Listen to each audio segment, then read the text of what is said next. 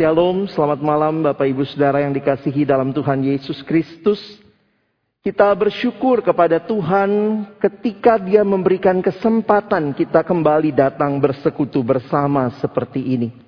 Baik Bapak Ibu yang hadir di dalam ruangan gereja maupun juga Bapak Ibu Saudara yang ada dan mengikuti di tempat masing-masing.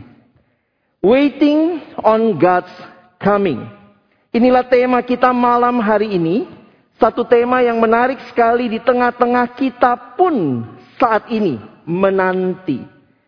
Saudara menanti, menunggu itu nggak enak ya. Karena biasanya di dalam situasi menunggu itu ada hal-hal yang rasanya sulit dipastikan. Di tengah-tengah bangsa kita yang masih mengalami pergumulan dengan COVID-19 ini. Bahkan Natal, ini Natal kedua kita dalam suasana pandemi. Tidak mudah. Kita pun menunggu kapan semua ini akan selesai. Tapi kemudian kita bersyukur.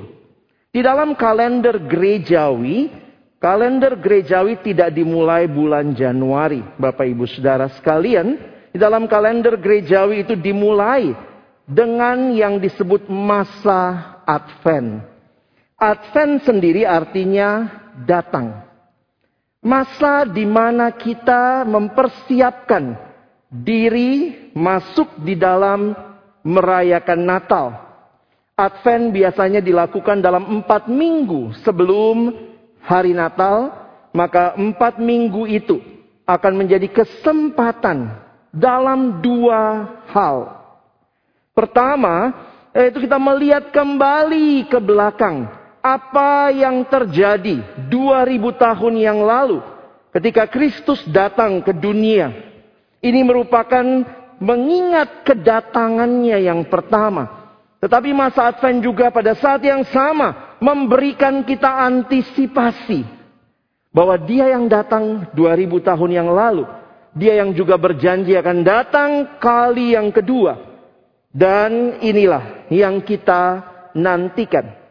Sehingga Bapak Ibu Saudara sekalian, baik looking back, looking forward, inilah masa Advent yang kita rayakan atau kita peringati di dalam waktu-waktu di kita menantikan masa Natal. Jadi kalender gerejawi sekali lagi dimulai dengan masa Advent. Apakah fokus dalam masa Advent ini? Saya pikir tidak lain, tidak bukan adalah kepada siapa yang datang. Saudara, banyak kali Natal begitu meriah, tetapi kita bisa saja kehilangan makna yang sesungguhnya. Sehingga seorang teolog pernah berkata begini, Mungkin kalau Yesus ikutan Natal kita sekarang, Yesus pun akan terbengong-bengong kagum. Apa hubungannya semua ini dengan saya? Apa hubungannya Yesus dengan Santa Claus? Sepupuan. Apa hubungannya Yesus sama pohon Natal? Apa hubungannya Yesus sama kue-kue Natal? Kita tidak menolak kemeriahan Natal. Tetapi biarlah kita tidak kehilangan makna Natal yang sesungguhnya. Ketika kita bicara masa Advent, siapa yang datang? Dialah Yesus. Siapakah dia? Ini menjadi perenungan yang harusnya gereja terus ingat. Bahwa dia yang datang kali yang pertama 2000 tahun yang lalu. Dia juga yang berjanji akan datang kali yang kedua. Saudara yang dikasihi dalam Tuhan Yesus Kristus. Dalam satu bagian firman Tuhan yang saya angkat malam hari ini. Rasul Paulus di dalam Galatia pasal 4 ayat 4 dan ayat yang kelima. Mari saudara kita melihat ayat ini bersama-sama. Bagi Bapak Ibu Saudara yang ada di ruangan ini maupun yang di rumah kita bisa ikut membacanya bersama. Mari kita membacanya Galatia 4 ayat 4 sampai 5. Tetapi setelah genap waktunya, maka Allah mengutus anaknya yang lahir dari seorang perempuan dan takluk kepada hukum Taurat ia diutus untuk menebus mereka yang takluk kepada hukum Taurat, supaya kita diterima menjadi anak. Bapak Ibu Saudara yang dikasihi Tuhan, mari lihat sebentar fokus kedatangan Yesus. Apa yang terjadi Di sinilah kita menemukan ada tiga hal yang saya akan highlight bagi kita pada malam hari ini. Yang pertama, perhatikan di ayat yang keempat. Allah mengutus anaknya. Satu realita yang menarik di tengah-tengah kita belajar tentang apa artinya manusia dikasihi Allah. Apa bukti kasih Allah kepada manusia? Allah mengutus anaknya yang tunggal. Kalau saudara melihat bagaimana ayat-ayat di dalam kitab atau surat Yohanes, menarik sekali ketika Rasul Yohanes membahas tentang kasih. Rasul Yohanes tidak sedang memberikan definisi kasih, tetapi setiap kali atau hampir setiap kali Rasul Yohanes dalam suratnya mengatakan atau menjelaskan tentang kasih, dia selalu menunjuk kepada tindakan Allah mengutus anaknya. Apa itu kasih? Allah mengutus anaknya. Inilah satu tindakan luar biasa yang kita lihat. Bagaimana Allah yang begitu peduli dengan pergumulan kita. Saudara, sering kali dalam pergumulan hidup yang berat, kita merasa Tuhan tidak peduli dengan kehidupan kita. Tuhan kayaknya kurang mengasihi kita. Tetapi mari pandang apa yang dia lakukan.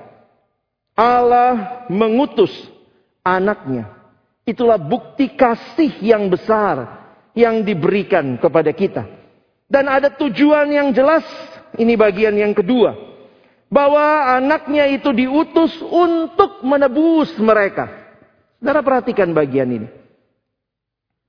Tuhan Yesus tidak datang ke dalam dunia jalan-jalan, studi tour, studi banding, tidak.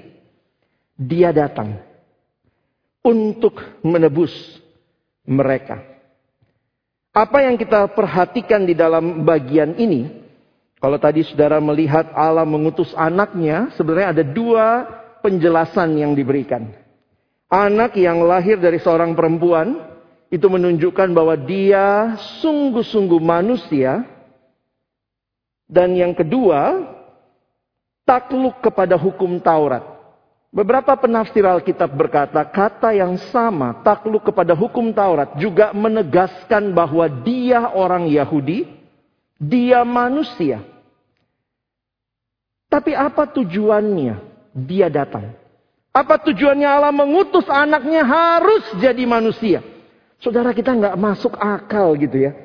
Karena memang ini peristiwa yang melampaui akal kita. Bagaimana mungkin pencipta jadi ciptaan?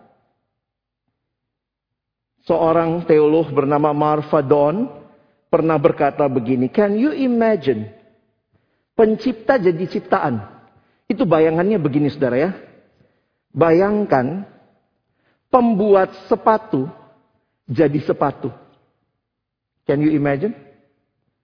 Pembuat sepatu jadi sepatu.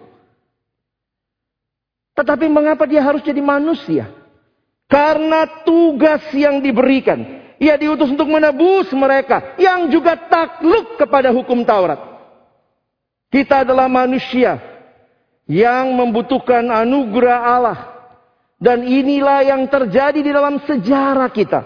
Allah tidak angkat tangan waktu manusia berdosa. Allah tidak cuci tangan waktu manusia berdosa. Allah tidak lepas tangan waktu manusia berdosa. Tetapi Allah turun tangan. Dan inilah yang indah.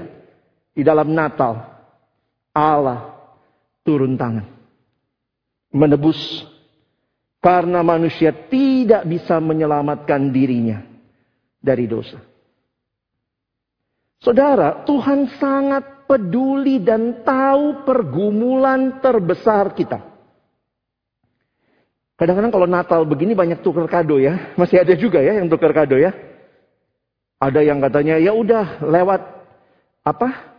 E-commerce langsung dikirim ke rumah begitu ya. Jadi saya juga ada beberapa kali tukeran kado. Jadi itu tukerannya langsung kirim ke rumah. Ke alamat yang dituju. Saudara kalau kita tukeran kado, kadang-kadang tuh sebelnya, kalau nggak janjian, kita dapat kado yang kita nggak pengen-pengen banget begitu ya.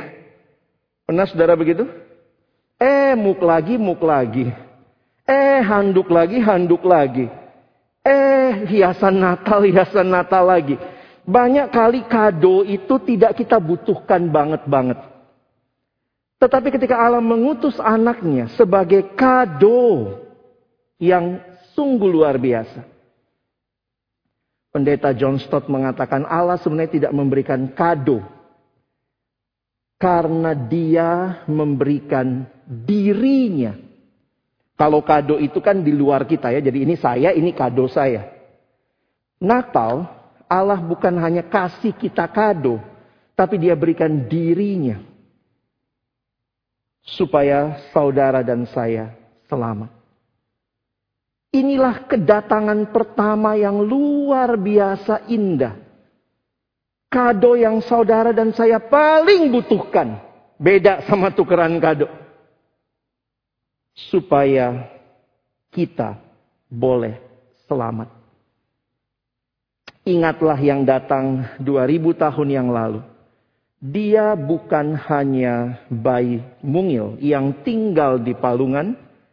Dia bertumbuh besar, dia melayani, dia menderita, dia mati, dia bangkit, dia naik ke surga, dan dia janji akan datang kedua kali. Saudara Advent menolong kita melihat ke belakang. Dan ada hal yang menarik bagian yang ketiga. Justru saya taruh ini yang ketiga. Kalimat Alkitab di ayat 4. Tetapi setelah genap waktunya. Saudara dari kapan manusia berdosa? Dari Taman Eden saudara. Kalau kita ukur-ukur runut-runut lagi waktunya. Kalau betul Allah paling tahu pergumulan kita. Kok lama banget ya? baru kasih solusinya. Tentu kita tidak melupakan bahwa orang-orang di perjanjian lama mereka menanti Mesias yang akan datang. Sementara kita yang ada di perjanjian baru dan sesudahnya kita melihat kepada Mesias yang sudah datang. Jadi sebenarnya keselamatan tetap dalam Kristus. Itu porosnya. Dalam Kristus di PL mereka melihat kepada Mesias yang akan datang. Kita melihat kepada Mesias yang sudah datang. Jadi jangan berpikir bahwa oh di perjanjian lama mereka selamat dengan perbuatan. Tidak. Di sinilah kita melihat menarik sekali kalimat Alkitab. Yang Paulus sampaikan tetapi setelah genap waktunya.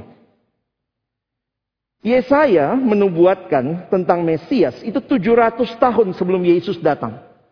Tapi itu yang saya bilang tadi, kalau kita hitung lagi ke belakang kepada Abraham, kita hitung lagi ke belakang ketika manusia pertama kali jatuh dalam dosa. Dalam kitab kejadian. Maka itu ribuan tahun saudara. Tetapi setelah genap waktunya. Menunggu itu tidak enak. Tetapi ketika kita menunggu apa yang Pasti. Saya pikir di situ perbedaan utamanya. Banyak orang berkata, Tuhan kok nggak datang-datang? Kita sekarang menanti kedatangannya yang kedua kali ya. Bahkan bukan baru sekarang. Di dalam kitab satu atau dua Tesalonika. Di dalam kitab dua Petrus. Coba kita lihat satu ayat. 2 Petrus 3 ayat 9. Tuhan tidak lalai menepati janjinya. Sekalipun ada orang yang menganggapnya sebagai kelalaian. Tetapi ia sabar terhadap kamu. Karena ia menghendaki supaya jangan ada yang binasa. Melainkan supaya semua orang berbalik dan bertobat. Menarik sekali saudara. Kalau tadi kita melihat kedatangannya 2000 tahun yang lalu. Maka kita mengantisipasi kedatangannya. Lalu mungkin pertanyaannya kapan datangnya? Kalau ini janji, Kenapa belum terjadi? Dan banyak kita memang pengennya Tuhan cepat datang ya. Apalagi masa-masa pandemi begini. Saya sering melayani anak SMA, kalau ujiannya susah, mintanya apa? Tuhan Yesus datang cepat. Selesai kan? Nggak ada lagi susah, nggak ada lagi lelah, nggak ada lagi ujian katanya. Tapi bukan seperti itu. Orang yang menantikan kedatangan Tuhan adalah kerinduan supaya Tuhan aku ingin mengalami apa artinya bersama dengan dia selama-lamanya. Itulah hidup kekal yang dijanjikan ketika Yesus datang.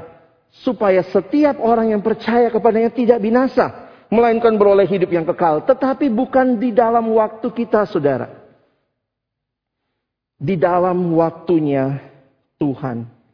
When the time is right. Saudara bedanya di sinilah kita akan melihat Menanti yang pasti dengan menanti dalam ketidakpastian itu dua hal yang sangat-sangat berbeda. Kalau kita melihat apa yang Yesus karyakan, dia sudah datang betul, tapi dia kembali akan datang kali yang kedua. Already, but not yet. Dan inilah yang kita antisipasi. Dan bagaimana hidup beriman kita. Ketika saudara dan saya merayakan Natal dalam masa yang cukup sulit ini. Apakah kita juga terus merindukan dan menantikan ya Tuhan datanglah segera. Di dalam bagian ibadah beberapa gereja yang menggunakan liturgi. Ada yang menggunakan istilah Maranatha. Datanglah ya Tuhan. Di sinilah kita bertemu dengan ayat-ayat yang saya pikir kita sudah kenal Kadang-kadang kalau ditanya sudah bisa langsung jawab. Ia membuat segala sesuatu indah pada waktunya. Tapi sering kali kita nggak baca lanjutannya Bapak Ibu sekalian ya. Coba baca ayat ini lanjutannya. Bahkan ia memberikan kekekalan dalam hati mereka. Tetapi manusia tidak dapat menyelami pekerjaan yang dilakukan Allah dari awal sampai akhir. Saya waktu coba ngerti ayat ini gimana sih ya orang Kristen memandang waktu, bagaimana cara kita menunggu, bagaimana sikap yang seharusnya. Perhatikan dalam terjemahan bahasa Indonesia sehari-hari, saya pikir ini lebih jelas menolong kita memahami arti ayat ini. Ia memberi kita keinginan untuk mengetahui hari depan. Saudara, jadi kalau kita bicara hari depan, Ternyata itu Tuhan yang kasih keinginan. Saya menghayati bahwa kita manusia yang bahkan bisa merencanakan sesuatu untuk masa depan. Itu adalah bagian yang Tuhan berikan. Tetapi pada saat yang sama, lihat bagian terakhir ayat ini. Kita tak sanggup mengerti perbuatan Allah dari awal sampai akhir. Jadi gimana ini? Menunggu itu kita tuh dikasih sense untuk wah kapan nih akan terjadi. Manusia itu pengen taunya gede Bapak Ibu Saudara ya. Kalau generasi sekarang bilangnya kepo. Ingin tahu masa depan. Tidak heran orang baca kartu tarot. Lihat uh, apa ya di tangan. Gambar tangan, raut wajah. Banyak orang mau tahu masa depan. Dan itu ternyata kalau lihat di Alkitab. Tuhan yang kasih desire itu. Tapi perhatikan yang kedua. Kita tuh nggak sanggup. Ah, di sini jadi pertanyaan, lalu bagaimana dong kita bersikap? Punya keinginan tapi nggak sanggup mengerti dari awal sampai akhir. Mungkin muncul pertanyaan begini. Coba kalau Bapak Ibu dan saya tahu semua masa depan kita. Kira-kira bagaimana? Mungkin kita jadi nggak butuh Tuhan lagi ya. Ah, sudah tahulah semua. Yang kedua, bisa jadi kalau kita nggak suka masa depannya, waduh jelek nih. Ganti, ganti, ganti. Kita mau mengubahnya. Tetapi dalam situasi menghayati dua ketegangan ini. Sikap apa sebenarnya yang Tuhan mau bagi kita? Menanti kedatangannya. Satu kata. Percaya. Saudara yang dikasihi Tuhan ini ternyata hal yang mudah, tapi sulit dilakukan ya. Orang Kristen disebut orang percaya. Tetapi hal yang salah satu hal paling sulit yang kita lakukan adalah percaya. Namanya orang percaya. Bahasa Inggris bilang kita believe, believer. But the most important atau the most hardest thing for us is to believe. Percayakah saudara bahwa Allah sanggup memberikan yang terbaik bagi kita? Jadi bagaimana kita menghayati menanti kedatangan yang kedua kali? Kita percaya, kita tahu bahwa dia Allah yang akan memberikan yang terbaik pada waktunya. Kita fokus kepada dia. Kita belajar melihat segalanya dari perspektifnya Allah. Ini yang namanya pengharapan. Pengharapan itu adalah apa yang kita lihat di depan, tapi itu memberi motivasi buat kita bertindak sekarang. Nah ini menarik saudara ya. Pengharapan bukan hanya apa yang nanti, tapi efeknya dari sekarang. Contoh, ada anak dijanjiin papa mamanya, kalau belajar baik, nilai bagus, naik kelas, kita jalan-jalan Hong Kong, Disneyland, Hong Kong. Kapan? Nanti kalau naik kelas. Tapi waktu anak itu belajar, Aduh, susah banget PR matematika ini bagaimana? Dia mungkin udah mau menyerah, tapi dia ingat lagi apa? Hong Kong, Disneyland. Semangat lagi. Mungkin dia sudah malas ngerjain PR. Aduh, lebih enak main game. Tapi ingat lagi, kalau belajar baik nilai bagus, bangkit lagi. Disneyland, Hong Kong. Sudah terjadi Disneyland Hong Kongnya? Belum, nanti. Tapi itu memberikan motivasi saat ini. Saudara demikian hidup beriman kita. Kita percaya bahwa ada pengharapan di dalam Tuhan. Bersama dengan Tuhan dan itu memberikan motivasi buat saudara dan saya menghadapi pergumulan hidup yang tidak mudah saat ini. Yesus itu pengharapan kita yang sejati saudara. Menghayati dia pengharapan sejati. Kenapa? Karena perhatikan karyanya yang genap. Di dalam 1 Petrus 1 ayat 3. Rasul Petrus berkata. Terpujilah Allah dan Bapa Tuhan kita Yesus Kristus. Yang karena rahmatnya yang besar telah melahirkan kita kembali oleh kebangkitan Yesus. Kristus dari antara orang mati kepada suatu hidup yang penuh pengharapan. Perhatikan saudara. Manusia itu punya siklus hidup cuman begini. Lahir, hidup, mati. Lahir, hidup, mati. Tapi karena Yesus yang datang, yang dimulai dari hari Natal karyanya. Dia tidak hanya berhenti di palungan. Dia mati di kayu salib. Dikuburkan. Dia bangkit. Dan karena dia bangkit, kita yang percaya kepadanya juga bangkit. Siklus hidup orang percaya bukan lahir, hidup, mati. Bukan hanya itu. Lahir, hidup, mati, bangkit. Kenapa saudara dan saya bisa punya pengharapan? We have a living hope because we have a living savior. Kalau tahun baru atau kalau paskah ya kita nyanyi because he lives I can face tomorrow. Jadi sebagai orang percaya, bagaimana sikap kita menanti saat ini? As Christians, We need to live in the present, but in the light of the future. Saya kutip beberapa kalimat dari Timothy Keller yang berkata, kebangkitan Kristus bukan hanya memberikan pengharapan di masa depan, tetapi juga memberikan kepada kita ketabahan menghadapi luka-luka kita saat ini, pergumulan-pergumulan kita saat ini. Because of Jesus, There is always hope, even in the darkest moment of your life. Hope. Hold on, pain ends. Tuhan gak pernah janji saudara hidup tanpa pergumulan. Gak ada tuh. Cari di Alkitab. Gak ada janji, oh kalau kamu ikut aku gak ada pergumulan. Tidak. Lalu apa yang Tuhan janji? Dia janji berjalan bersama saudara dan saya melewati pergumulan. Dan karena itu hidup kita indah. Bukan karena nggak ada pergumulan. Tapi karena di dalam pergumulan ada Yesus yang berjalan bersama kita. Mari saudara dengan pengharapan seperti ini. Kita merayakan Natal. Kalau dia telah datang 2000 tahun yang lalu. Yang sama berjanji akan datang kali yang kedua.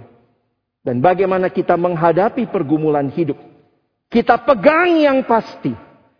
Yesus yang adalah pengharapan bagi kita. Kalau saat ini ada pergumulan Bapak Ibu Saudara alami. Mungkin merasa berat sekali melangkah. Masuk tahun baru rasanya sulit. Tapi ingatlah kembali. Menanti yang pasti. Di dalam kepastian, keyakinan. Dia Yesus yang bangkit. Membuat kita tidak kalah dengan pergumulan hidup. Tapi kita bisa berkata di dalam engkau ya Tuhan. Aku kuat. Mari menanti kedatangannya kedua kali. Dengan terus memandang pengharapan itu. Yang memberikan kita motivasi kuat untuk hidup saat ini. Selamat menyambut Natal 25 Desember 2021. Dan melangkahlah di tahun yang baru. Tahun 2022. Di dalam pengharapan yang pasti di dalam Tuhan. Amin. Mari berdoa.